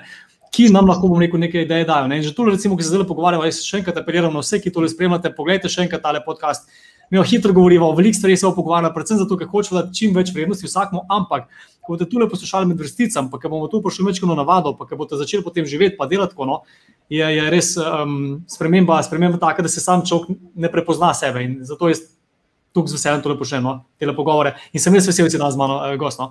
Mi pa povej nekaj drugega še, no? spiritualnost. Zdaj, jaz recimo osebno nisem tukaj spiritualen, čeprav si želim, pa tudi vedno recimo, rad meditiram, rad bom rekel, ne vem pa, kaj točno to pomeni, pa kaj lahko naredim, da bom jaz še bolj zrastel, oziroma da bom bolj spiritualen, ker vem pa, da je to dobro, ni slabo. Zdaj, zakaj to pravim? Zato, ker vedno, v bistvu, karkoli delaš, delaš v življenju, ne? a ti to škoduje ali ti po korist. Jaz verjamem, da bi mi to koristilo. A mi znaš malo več povedati o tem, kaj lahko naredim, oziroma zakaj bi mi to koristilo? Pri čem ali? Veš kaj? Um, ljudje na planetu Zemlja smo zelo mlada vrsta. Ko govorimo o zavesti, ne, zelo smo na začetku neke spiritualne poti, kot bitja, kot, kot, kot, kot živalsko, človeška vrsta. Um, mladi smo, pač, v mali šoli. In mi na Zemlji smo nekako stvarili družbo, se, eh, ki nas uči, da je resnično in da, zave, da, da, da obstaja samo fizično telo, čustva, pa misli. Nekako v teh treh nivojih mi sebe dojemamo in se gradimo celo življenje. Ne? Ampak človek je ful večplastno bitje. Človek ima desetine energijskih nivojev, zgrajen iz fizičnega, očitnega telesa, ki se ga vsi zavedamo zgrajeni iz čustev, ki se jih že več kot tri četrt ljudi ne zaveda več in, in imajo avtomatska podzavestna čustva. Ljudje so zgrajeni iz misli, ki tudi niso prepričani več, kaj je miselna energija. Pa imamo pa ljudje auro, pa imamo ljudje eterično telo, pa astralno telo, pa višji jaz. To je pa v bistvu del naše duhovne energije, ki vibrira daleč nad našimi čustvi in nad našim zemljskim telesom in odkuder prihaja vsa resnica v nas. Zdaj, na nivoju višjega jaza smo ljudje potem povezani z celotnim vesoljem. Tisto pravijo ljudje, da smo vsi eno, to mislijo ljudje na točki višjega jaza, ker naš višji mm, jaz je povezan z celotnim vesoljem, planeti, drugimi dušami, odkuder lahko mi črpamo to kozmično zavest. In zdaj na Zemlji smo ljudje rekli, osebna rast. Je tisto, kar razumeš z osebnimi fizičnimi možgani, to se pravi z mentalom, to je osebna rast. Pravijo pa ljudje, spiritualna rast, oziroma duhovnost je pa tisto, kar pač ne razumeš z možgani, ampak veš, da obstaja. In uh, moje, tisto, kar sem jaz ugotovil, ker jaz, če mi kdo reče, kdo ti si, ne, ja, jaz meditiram vsak dan, upravljam duhovno energijo, delam tečaje alkimije, tečaje materializacije, komunikacije z duhovnimi biti in tako naprej. Ne. Zakaj to počneš, Mahar? Zaradi tega, ker se tukaj skriva tisto, tist, kar mi v resnici iščemo. Ker tisto, kar se ti zavedaš na zemlji in, tvojim, in tisto, kar tvoji možgani priznajo kot resnično, ali lahko ti iz tega v resnici zrasteš? Ne. Ne? Albert Einstein je rekel, da, da energije, ki se je zavedaš, že poznaš. Ja, ja žiti v življenju, iti v resnici naprej, moraš se soočiti z energijo, ki je še ne poznaš, v kateri se prvič učiš. To se pravi, ker si ti širiš zavest, da lahko razširiš zavest nekaj, kar še ne poznaš, kar še ni v tvojem življenju. Zato jaz spodbujam ljudi naj razvijajo svoj duhovni aspekt in ti si full duhovn drugače. Ti imaš nenormalno močno duhovno frekvenco in brskaš po duhovnosti. Na mhm. desetine, desetine, desetine načinov, pa se lahko tega niti zavedaš. Ne? Možno, ja vedno, ko pridemo ljudje v stik z resnico, ki je večja od našega razmišljanja, govorimo o duhovnosti.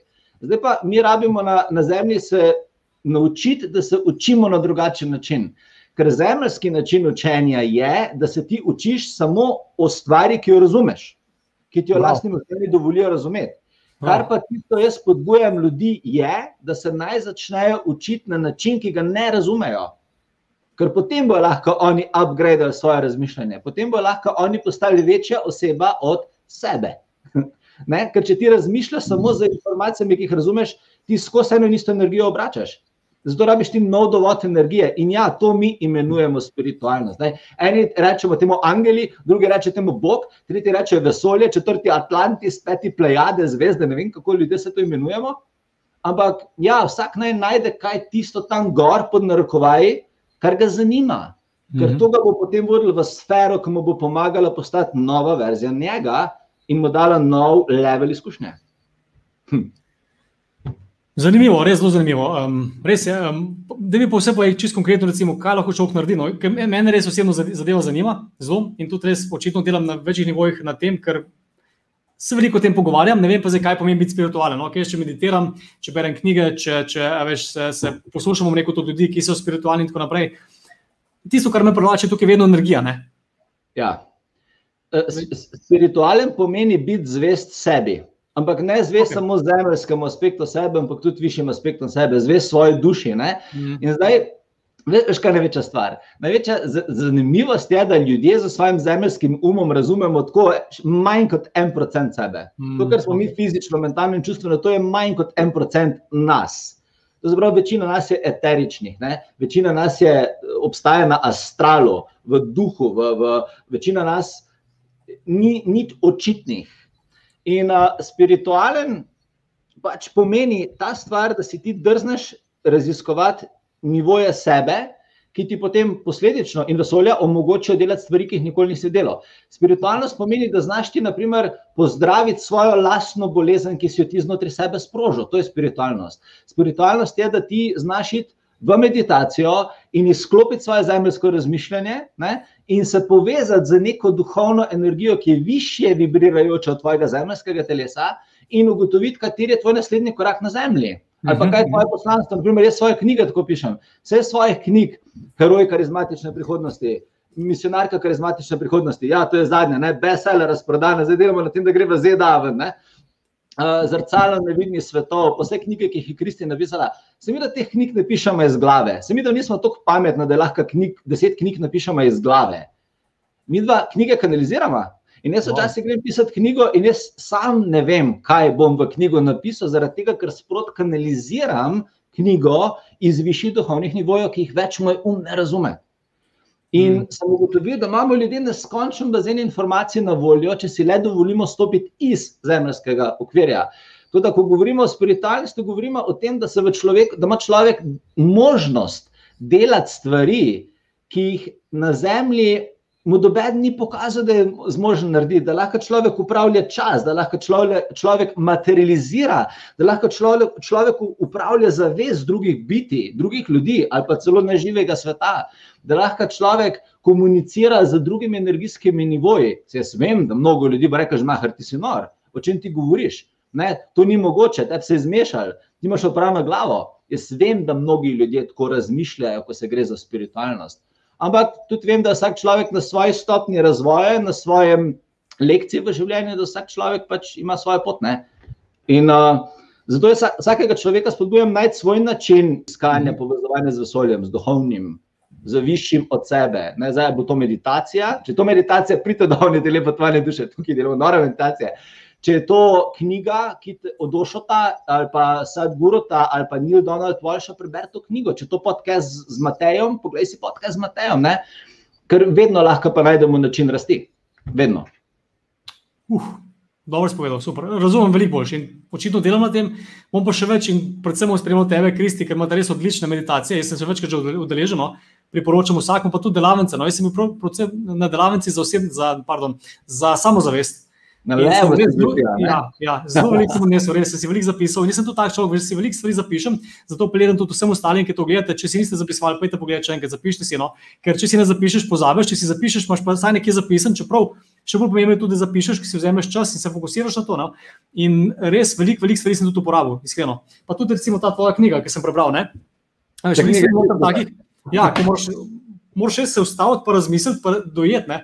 Ker bom rekel, no, te zelo veliko psihologije. Ne? Noti zelo veliko, bom rekel, nekih omejujočih prepričanj, ki jih imamo ljudje, ne? kako razmišljamo, kaj počnemo in tako naprej. In je res uh, zelo, zelo, zelo dobrodošlo, da dobiš te ideje, ki smo se prej pogovarjali, ne? ki ti lahko potem spremenijo nekaj v življenju in si druga oseba. Ne? A se Mihael Žmahar daj razjezi? Glede na to, da si ti vse, valjda, jaz nisem doben svetnik. Okay. Jaz, čist, jaz imam vse normalne čustva in občutke, čutim kot vsak drug človek. In ja, valjda se razjezim, valjda, če mi kdo stopi na živce, uh, se razjezim. Sam Fora je ta, da ne ostanem v jezi. Prav.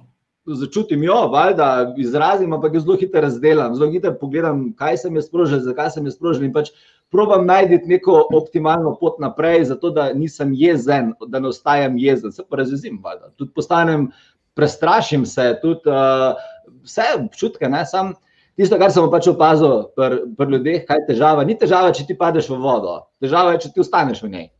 Mhm. Dobeč mi je umrl, ker je padel v vodo, ker je imela dve stopinje. Naprimer, oni nesrečne že na Titaniku. Ne? Oni ja. niso umrli, ker so padli v vodo, oni so umrli, ker so ostali v vodi, ki je imela dve stopinje. Tako da nihče še ni samo življenje sesul, ker je se razjezil. Problem pa je, če si ti deset let jezen, pa, pa se ti začnejo informacije na telesu dogajati, pa tudi na tvoj odnos vpliva, pa na kariero, pa na vse. Ne? To pa je težava. Tlo je zanimiv komentar no, od uh, tvoje žene sicer. Če nekaj nepošteno, te razjezi, očitno. Ne? Ja, ja, če nekaj ni fair. Uh, ne, kaj pa vem, nek notranji uh, justice, nek, neko ravnovesje, fair, to se pravi, če nekaj ni fair, se mi sproži jeza. Ampak potem ugotavljam, da če me je lahko kdo prizadel, ne, ugotovim, da me lahko nekdo prizadene, samo če jaz to dovolim. In tudi na zadnje, moramo biti ljudje fully iskreni. Nas nekdo prizadene, ker smo mu mi to dovolili, da nas je prizadel. Drugi ljudje nam delajo stvari, ki nam delajo, če so negativne, zaradi tega, ker mi dovolimo, da nam to delajo. Mi imamo vedno možnost, da ustavimo odnos, v katerem smo lahko prizadeti. Mi imamo vedno možnost, da preberemo že subtilne energijske znake, še preden človek naredi nekaj, kar nas razjezi. To je zapravo potem, vedno, ko me nekdo razkuri ali pa ne fer do mene, proba iti nazaj in poskrbeti, da ne bom več dovoljeval take situacije v življenju v prihodnosti. Ne. Da, nekako sem se naučil, da vedno probam pogledati, kaj lahko jaz naredim. Ne. Da ne pričakujem od drugih ljudi, da oni nekaj naredijo, ampak da pač jaz primem svoj life v roke in ga puram. Da. Ja, da nisi ti žrtev, ampak si ti v bistvu imaš kontrolo življenja v svojih ja, rokah. In ja, na to lahko ja, vplivaš, ja. na drugo pa ne moš. Zakaj ja, sem to ja. omenil? Ja. Pardon, zakaj sem to omenil, pa zakaj mi to češ, kar je Kristina napisala, ker se lahko zelo poistovetim. Jaz tudi, recimo, ena izmed stvari, ki res, res, res nekako ne morem prebaviti, oziroma ne želim, no, če tako rečem, je nekaj, da ni fair. Ne? In tudi, recimo, moja firma, recimo, se imenuje Fair, že v osnovi. In zato, ker jaz, recimo, pa se mi sem se spoznal dejansko preko veganstva, oziroma preko ja, naših, ja, našega projekta ja. Zgodbo veganov, si prišel ja. povedati svojo zgodbo, noro. Ampak poanta je pa sedeča, ne? da jaz, recimo, zakaj tudi, recimo, tukaj zagovarjam pravice živali, zato ker ni fair. Ne? Ker tega kot moramo potrebujemo za preživetje, za hrano, za okus, za, za ničesar. Ne? Pa to počnemo, ker smo navajeni, oziroma zaradi kapitalizma, ali kako koli že te tu pogledamo, ne? ker pač se to prodaja, pač je to vlignarja, ampak ni fair. Ne? Ampak, poveš, mogoče malo več, zakaj, zakaj si vegan? No? Uh, tudi to, recimo, nismo še nič rekli danes. Pa mi je zelo fasciniralo, ko si povedal to pri zgodbah, kako, kaj, zakaj si od tega prišel. Pa kako na to gledaš? Poglejte, si, ki gledate to, poglejte on video, vam bom Matej uh, dal link noter. Dobite spodaj, ja. ja. No. Um, jaz sem vegan zaradi več razlogov. Postal sem vegan zaradi tega, ker sem začel takrat leta nazaj že meditirati in sem gotovil, da mi energija živalske hrane ni več vibrirala.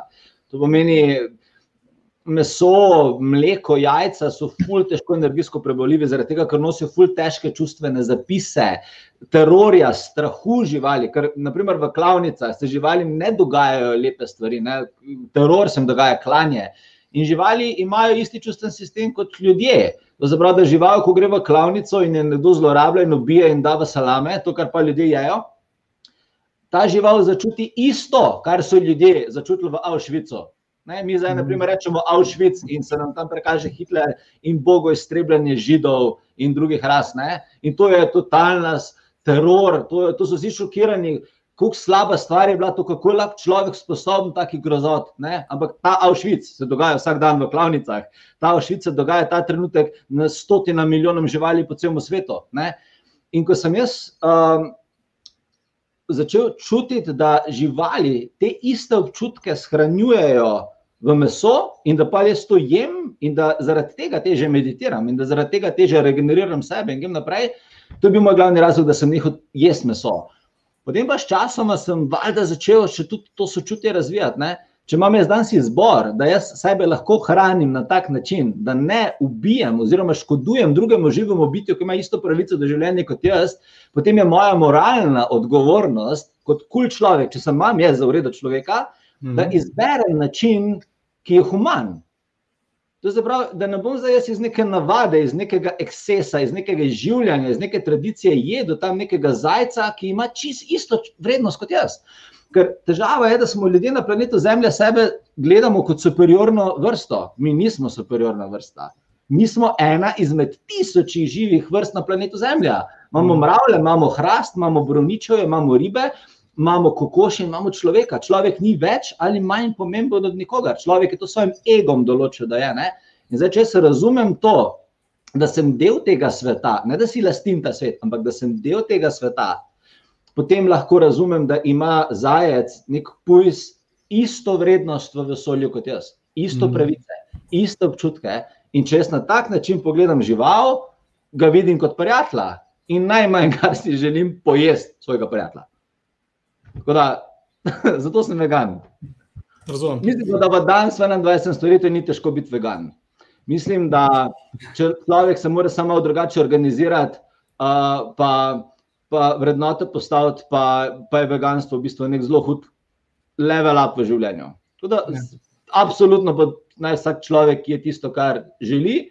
Sam jaz bi rad, če za razumevanje ljudem pomagal razumeti stvari, tako kot imaš ti to inicijativo vegansko, mi je zelo všeč. Hmm, super, super, hvala. Jaz se vidi, da to delamo, ker sem, tudi v bistvu, jaz sem tudi res zelo poskušal živeti v ljudi, ki niso še vegani, ker res ne mislim, kljub temu, da včasih spade nasilno, ker nekaj poveš, ker nekaj rečeš. Sem zaradi tega, ker pač se prej pogovarjal o spremembah, ne noben mara sprememb. Ne. Pa ne sem ja, spremenil zase, ampak v okolici, ne v družbi, v družini, v končni fazi. Ne, kaj boš v delu jedel, ne, kaj boš v trgovini kupil. Ne, ne maraš iti na nek drug oddelek, pa nekaj drugega kupiti, ne poznaš, ne veš kaj je. Plus ljudje jedo ponovadi recimo pet obrokov ali pa deset obrokov, recimo celo življenje, ne, menjavajo. In to so pač neki obroki, ki si jih navadiš in to je to. Ne. Tako da ja, tudi, to je del, bom rekel, osebne rasti. Ne, ne enkrat začutiš, kot prvo tega ne rabiš, ne, kot drugo pa zakaj bi povzročil nasilje, pa trpljenje nekomu, če to ni potrebno. Ne. Kako bi se rekel, v današnjem svetu Težava je, ker se ljudem ne da razmišljati svojo glavo. To je problem. Problem tega sveta je, ker se folko ne da razmišljati svojo glavo in ljudje, ljudje ponovadi pojejo in informacijsko, in fizično, dejansko vse, kar se jim servira.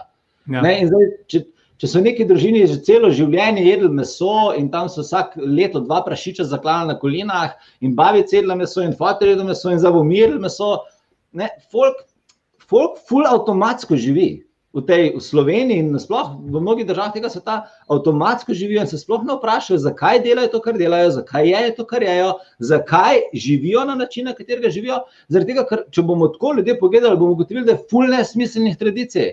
Da ima folk ful nekih nesmiselnih načinov življenja, ki sploh ne funkcionirajo več za njih. In eden izmed njih je pač mesojedstvo. Ja, tako je. Mesojedstvo je ena stvar, ki jo moramo ljudje globje pogledati. Ne pravim, da morajo biti vsi vegani. Ne? Nisem mm. zdaj to, da morajo biti vsi vegani. Pravim pa sam, da je v ozadju hrane neka resnica, ki ljudje še ne poznajo. In naj se ljudje malo bolj zakopljajo v to, malo bolj berejo, malo bolj razmišljajo.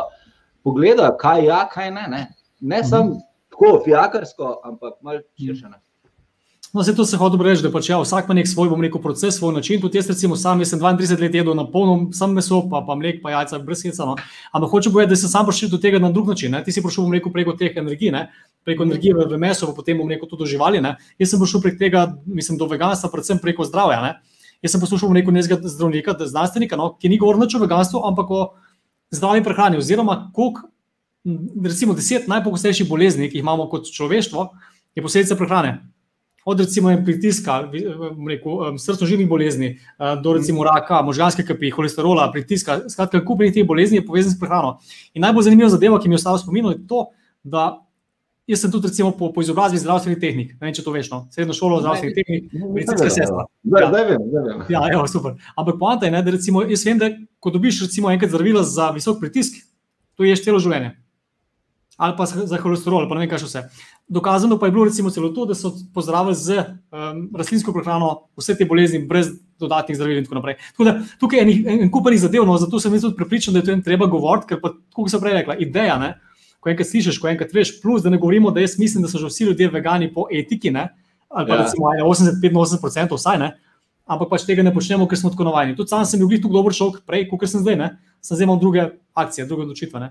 Ja, Da, ne, ne pravim, da nekdo, ki ima meso, da je slabši. Ne, ja. ne gre za to, gre samo za to, da ljudje res probujemo vso resnico iz vseh zornih kotov razumeti. In ko pridemo do, do teh informacij, po, ko sestavimo sliko, kaj prehrambena industrija je, kaj so živali, kaj sem jaz, kaj jaz v resnici rabim, ko to svojo glavo razmišljam, ne z, z oči, iz oči lobija. Prehrambenega lobija, uh, zdravstvenega lobija, ampak svojo glavo, kot res neodvisne sorry, vire pogledam, ja, potem začne prehrana dobivati drugačen pomen. Super. Mihajl, deva, zdaj glavno vprašanje je v bistvu odprto, no, ker smo ga danes namenili temu pogovoru. A je Mihajl Žmahar srečen? Mihajl Žmahar je včasih srečen, včasih pa ne. okay, okay. Ja. Zdaj sem to videl, nekaj si govoril o tej sreči, kaj to pomeni. Da, mogoče malo povej tvoj pogled, kaj je sreča, oziroma koliko je pomembna. Naprej, no? Ja, zadnjič sem posnel video, ki ga najdete na mojem YouTube kanalu, uh, Miha Zmahar, minus Slovenija. Um, sem posnel video uh, z naslovom Sreča je precenjena, uh, Happiness is overrated. Uh, in ja, pa vada veliko ljudi, kako to misliš, kaj je zdaj s tem. Da, da, da pojasnim.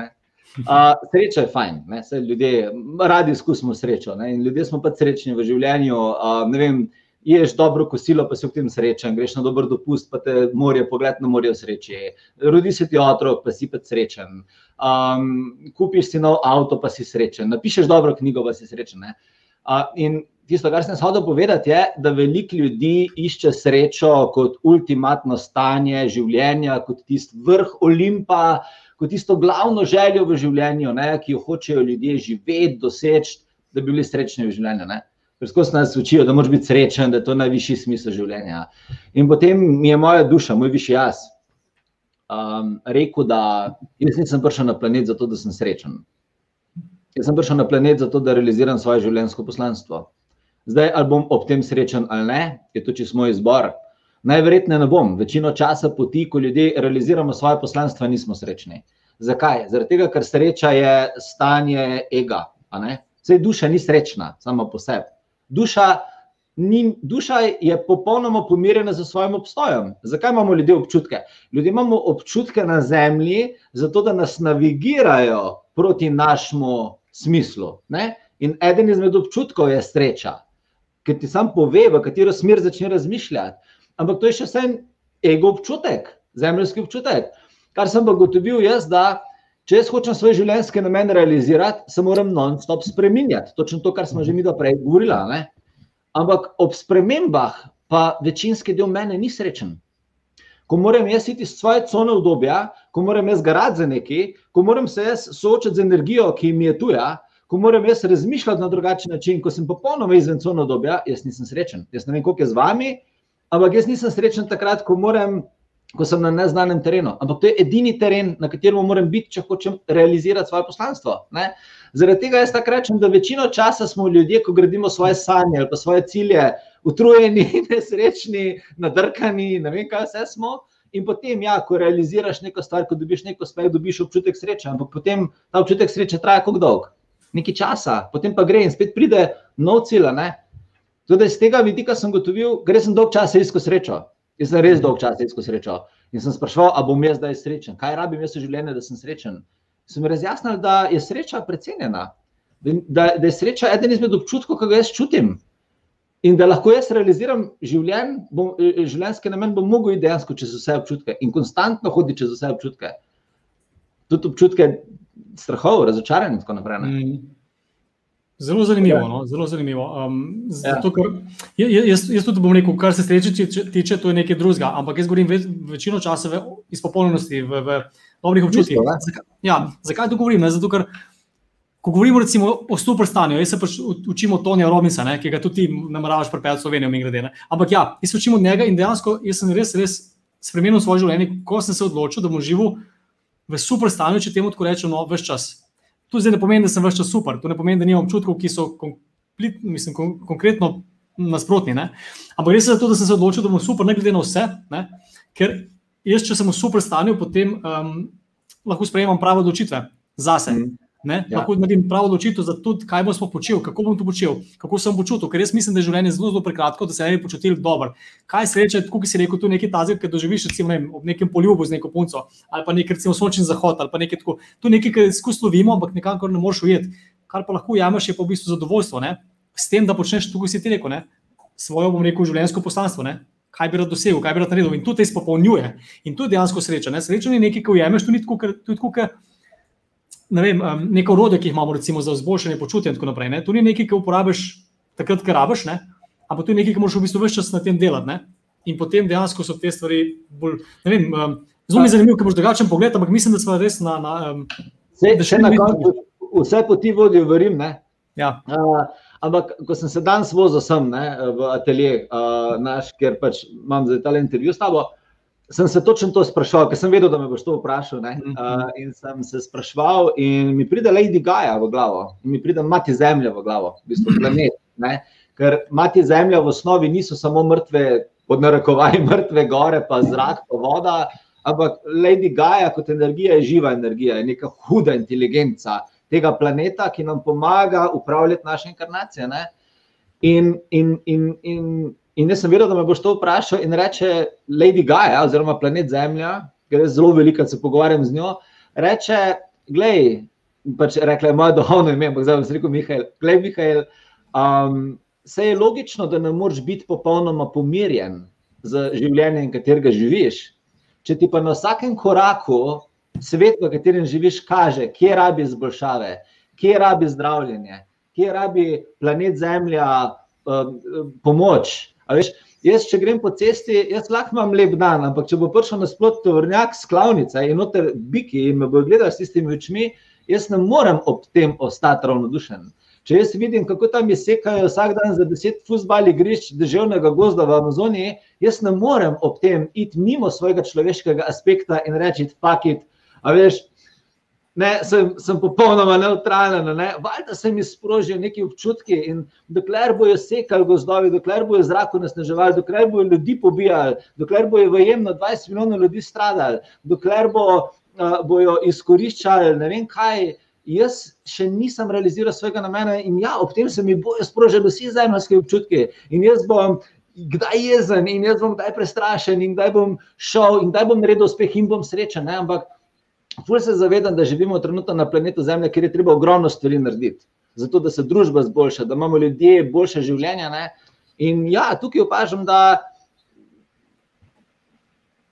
in pursuit of happiness, oziroma v iskanju sreče, da smo ljudje celo življenje. Ne? Celo življenje mm. iščemo to, kar so nam rekli, da je sreča. Veš, kaj bi te še vprašal, prej bomo počasi zaključili, no? ampak kako, sem sekunda, da najdemo neko to pravo vprašanje. Um, oziroma, mislim da, mislim, da sem ga izgubil, no? ker sem že nekaj naprej razmišljal, nažalost. Ampak ja, um, ful mi je všeč, kako razmišljaš, zato ker res um, imamo ljudje v bistvu neko odgovornost. Ne? Eh, vse, ki jo, ki jo imamo. Ne? In zato ne gre se samo za nas, ne? ker ko vidiš recimo neko, uh, nek tovornak, ne? ki se pelje noter, recimo biki ali pa pojsi in tako naprej. Ne? Um, se ne, ne moreš ukvarjati s sabo, ne? ampak se ukvarjaš dejansko z svetom okoli tebe. In zaradi tega, ne? če prav razumem, ne? Imaš neko odgovornost, da kot prvo pomagaš ljudem, recimo, tem, da zrastejo na višji nivo, zato ker jim želiš, da so na podobnem nivoju kot ti, ker veš, kaj to pomeni. Ne? Isto, recimo, ko vidiš nekaj, kaj se dogaja v, na amazonskem gozdu, ne? kaj počnejo po, po neumnosti v končni fazi. Ne? In da veš, da lahko mogoče nekaj narediš, oziroma imaš neko vpliv. Ker veliko je tako, da se pravi, če misliš, da nimaš vpliva, potem zamahne z roko, ne? ampak veliko pa imamo veliko vpliva, ne? ker vsi vplivamo na ljudi, ne glede na to, kaj se dogaja. Ne? Ali smo zdaj v zelo slabem stanju, ali smo zelo jezne, jezne sorte, ali smo zelo živčne sorte. Jaz sem bil ja. zelo živčne sorte, jezen, hiter in tako naprej. Sem bistveno, bistveno na boljši nivoju, kot sem bil sam zase. Ampak hoče povedati, da smo vsi, bom rekel, vplivamo na ljudi, ne glede na to, kaj počnemo. In zdaj ena stvar, kako se mi počutimo, veliko pa ljudje naredimo veliko več za druge. Ne? To sem hotel mogoče malo povedati. Ne? Zato, ker sami zase ponovadi ali nimamo časa, ali ni to pomembno, ampak vedno za druge naredimo več. In zato je fajn, ne? da, da počnemo stvari, kot si ti rekel, ne? s tem višjim jazom, višjim namenom. Ne? Ampak, kaj vidiš, Matej, točno tu je težava. Točno tu je težava, ker se večina ljudi na tem planetu preveč ukvarja z drugimi ljudmi. Zdaj, okay, ja. da, da, bom, da bom pojasnil. Folk se ukvarja z drugimi ljudmi, zaradi tega se ne ukvarjajo s sabo. Ker če smo zelo iskreni, folk ne bo nikoli sam sebi škodoval, če se bo v resnici ukvarjal sam s sabo. Ne? Mhm. Folk ne bo v resnici nikoli samega sebe rušil ali pa svojega življenja, če bo v resnici sebe pogledal in se imel rad. Če pa človek razume, da vse, kar mi delamo z zunanjim svetom, je projekcija nas, ker jaz se z drugimi ljudmi vedno pogovarjam in ukvarjam tako, kot se sabo v resnici ukvarjam. Okay. Jaz vedno vse okoli sebe gradim iz odnosa, ki, je, ki ga imam samim sabo. To se pravi, da, da težava je tukaj, da ljudje ne vidijo vrednosti v zunanjem svetu, zaradi tega, ker je ne vidijo znotraj sebe. Zaradi tega, ker, ker, ker folk preveč razmišlja o drugih ljudeh, premalo razmišlja o sebi, zato se ne zna metrati, zato ne zna narediti notranje resnice in zaradi tega potem živi napačno življenje in potem to napačno življenje še bolj projicira na druge ljudi in se zgodi tak začaran krok. Ne? Če pa človek se osredotočil na sebe in začel to notranjo rast, ko imaš fajn pojmenovan rast, delati znotraj sebe, bo začel avtomatsko ta level up, ta, to rast projicirati na vse odnose okoli sebe in potem bo začel popravljati svet okoli sebe. Da, čez ta način se pa dela zunanja sprememba. Odlično si povedal, um, se strinjam z vsem, kar si rekel.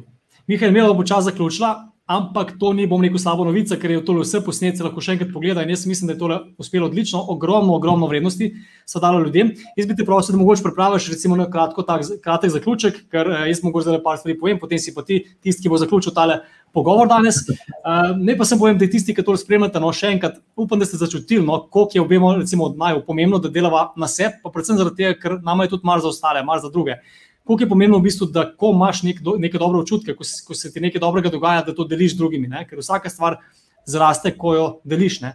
Ali so to neki prijatelji, so to partnerji, so to neko, celo nekdo, ki jih ne poznaš, mogoče zelo, ki z vami to deliva. Skratka, ponovadi jaz sem to slišal parkrat, pa mislim, da kar verjamem, bo Mihael mogoče povedal, če se ne strinja, ampak najhitrejša pot do sreče je tako, da usrečiš nekoga drugega, da nekomu drugemu nekaj lepega narediš. Ne? E, tako da jaz priporočam, res vsem še enkrat to pogledajte, zapišite si stvari. Um, dejte, se, dejte pogooglati Mihajla Žmaharja, Kristi Žmahar, pogooglite um, potovanje telje duš, to njihov telje. Res veliko stvari se lahko naučite, veliko stvari lahko dobite, vsekakor pa delite zaradi tega, ker in zaradi sebe, in zaradi drugih, ker še bolj bom rekel, kako na sebe znamo vplivati na druge ljudi in zakaj ne bi vplivali na njih pozitivno. Um, to je mogoče moja današnja misel, zdaj bi pa želel Mihajl, da narišemo zaključno misel neko nek dobrobit k svetu. To, to si tako fajn povedal, veš, kaj ne zdaj še zdaj na to dodam. Ne, ne skrbi. Ja, v bistvu, v bistvu moj message za vse, ki gledate ta video, da ste se rodili v svet, v katerem imate na voljo tisoče in tisoče možnosti, in uh, nič vam ni treba, doben pritiska na vas, vzamete si čas, umirte se pogledajte, kaj si vi želite, potem pa sestavite svoje življenje, vzamete puzzle, spuzle, koščke iz vseh področji in si sestavite takšno življenje, kot si želite. Kot vam vibrira, ki vas bo izpopolnjevalo, ki vam bo dajalo smisel in naredite inkarnacijo, na katero boste ponosni. Evo, moj mesič za vas. Jaz nimam kaj dodati, podpišem. Uh, še enkrat pa hvala, Mihajl, za to, ta pogovor. Jaz mislim, da bi bil super. Ko bo to gledala čez 20 let, bo rekla pismo, so pa tudi carja. Res je, res je. Potujci tega. V glavnem, eh, hvala še enkrat za, za odzivnost, da si prišel nam kot moj gost. Eh, hvala za povabilo, res hvala za, za vse lepe besede, pa hvala za namen, ki ga delaš. Ne, tako da jaz verjamem, da. da. Z veseljem. Gremo dalje v svet, zdaj pa ostali pa pogledajte to še enkrat, delite med prijatelje, um, naredite nekaj dobrega za druge, pa predvsem za sebe in uh, delite na osebni rasti. Lahko noč, Mihajl, hvala ti še enkrat, lepo se meji, se vidimo. Vidite, čau. Čau.